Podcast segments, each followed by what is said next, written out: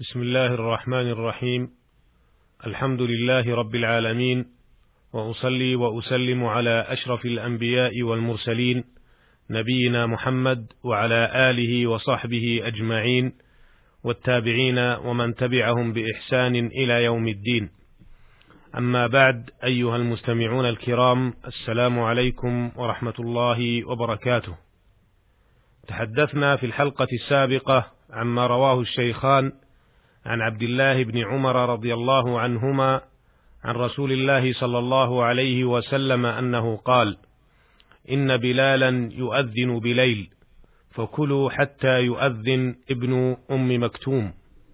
وعما رواه الشيخان عن أبي سعيد الخدري رضي الله عنه أنه قال قال رسول الله صلى الله عليه وسلم إذا سمعتم المؤذن فقولوا مثل ما يقول.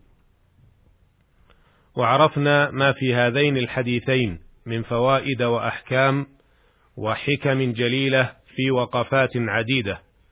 وفي هذه الحلقة نتحدث عما رواه الشيخان عن عبد الله بن عمر رضي الله عنهما أن رسول الله صلى الله عليه وسلم كان يسبح على ظهر راحلته حيث كان وجهه يومئ برأسه وكان ابن عمر يفعله.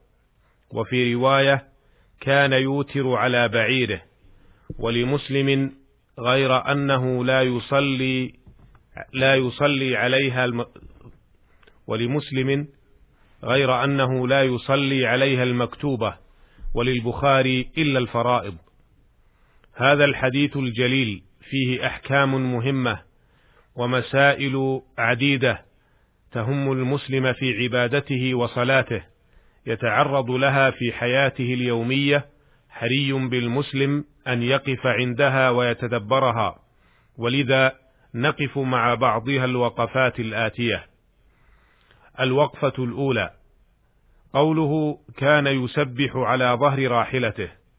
قال الحافظ ابن حجر بن حجر رحمه الله أن يصلي النافلة. وقد تكرر في الحديث كثيرا. والتسبيح حقيقة في قول سبحان الله فإذا أطلق على الصلاة فهو من إطلاق اسم البعض على الكل أو أن المصلي منزه, لله سبحانه وتعالى بإخلاص العبادة. والتسبيح التنزيه فيكون من باب الملازمة. وأما اختصاص ذلك بالنافلة فهو عرف شرعي والله أعلم. وقوله يومئ برأسه أي للركوع والسجود لمن لم يتمكن من ذلك. الوقفة الثانية. قوله وفي رواية كان يوتر على بعيره. هذه الرواية جاءت عند الإمام البخاري رحمه الله عن سعيد بن يسار أنه قال كنت أسير مع عبد الله بن عمر رضي الله عنهما بطريق مكة فقال سعيد فلما خشيت الصبح نزلت فأوترت ثم لحقته. فقال عبد الله بن عمر أين كنت؟ فقال خشيت الصبح فنزلت فأوترت. فقال عبد الله أليس لك في رسول الله أسوة حسنة؟ فقلت بلى والله. قال فإن رسول الله صلى الله عليه وسلم يوتر على البعير. الوقفة الثالثة. يدل هذا الحديث على جواز صلاة النافلة في السفر على الراحلة. فقد قال كان أي رسول الله صلى الله عليه وسلم يسبح على ظهر راحلته. وقد بوب الإمام البخاري بقوله باب صلاة التطوع. باب صلاة التطوع على الدواب وحيث ما توجهت به. وقد روى رحمه الله وغيره عن عبد الله بن عامر عن أبيه أنه قال رأيت النبي صلى الله عليه وسلم يصلي على راحلته حيث توجهت به. وروى البخاري أيضا وغيره عن محمد بن عبد الرحمن أن جابر بن عبد الله أخبره أن النبي صلى الله عليه وسلم كان يصلي التطوع وهو راكب في غير القبلة. من هذا نفهم أن للمسافر أن يصلي وهو راكب راحلته سواء كانت الراحلة دابة أو طائرة أو سيارة أو باخرة أو غير ذلك. لكن هذه الصلاة صلاة نافلة أما صلاة الفريضة فلا يجوز أن تصلى على الراحلة كما هو نص الحديث غير أنه لا يصلي عليها المكتوبة. وروى البخاري عن جابر بن عبد الله رضي الله عنه أن النبي صلى الله عليه وسلم كان يصلي على راحلته نحو المشرق فإذا أراد أن يصلي المكتوبة نزل فاستقبل القبلة.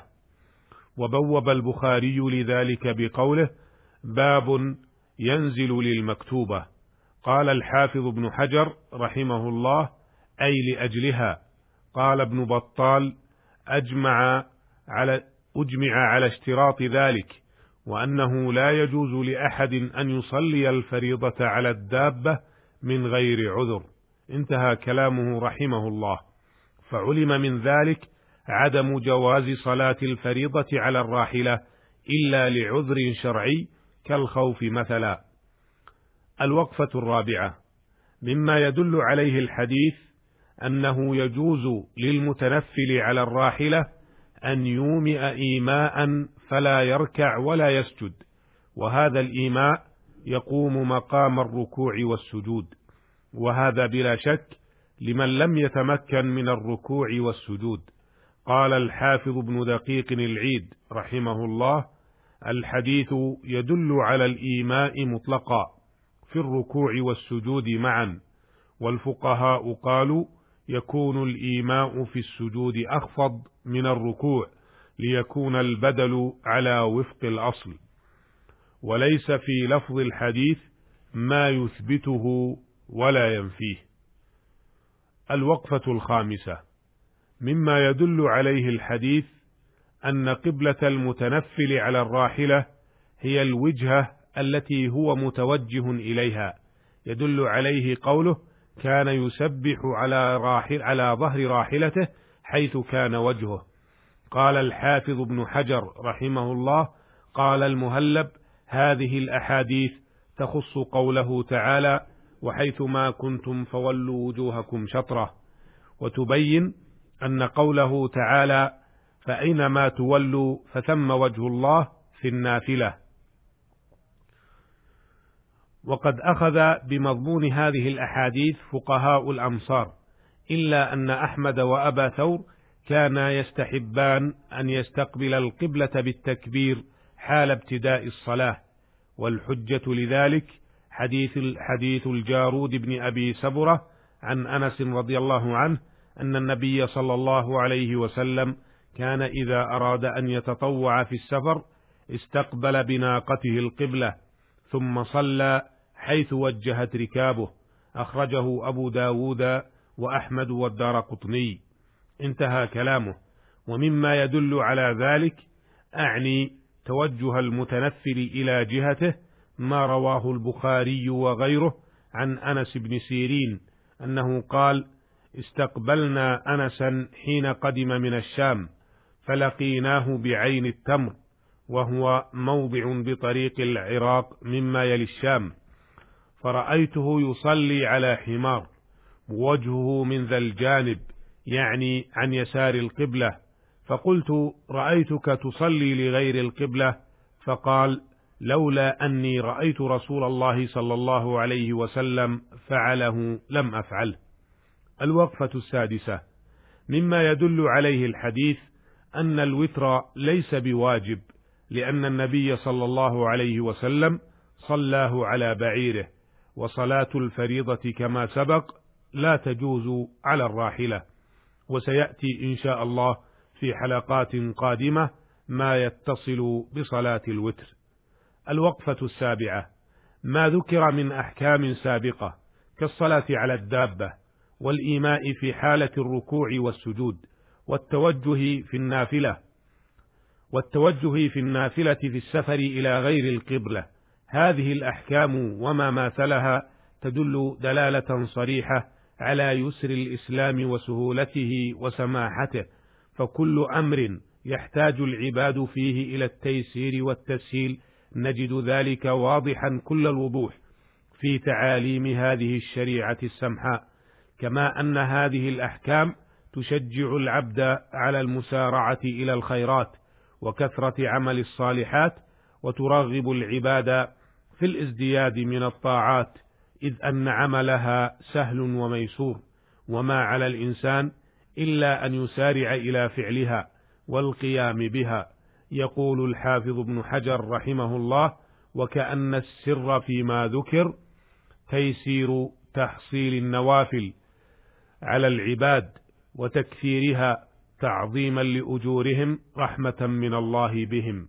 أيها المستمعون الكرام إن أبواب الخير والطاعة كثيرة ومفتوحة وما على المسلم إلا الولوج فيها والتنافس في تحصيلها قبل أن يفوت الأوان ويندم ولا تساعة مندم ترى كم من الأوقات الكثيرة التي تذهب سدى لا يسجل فيها العبد شيئا بل كم من الأوقات تملأ بالمعاصي والسيئات.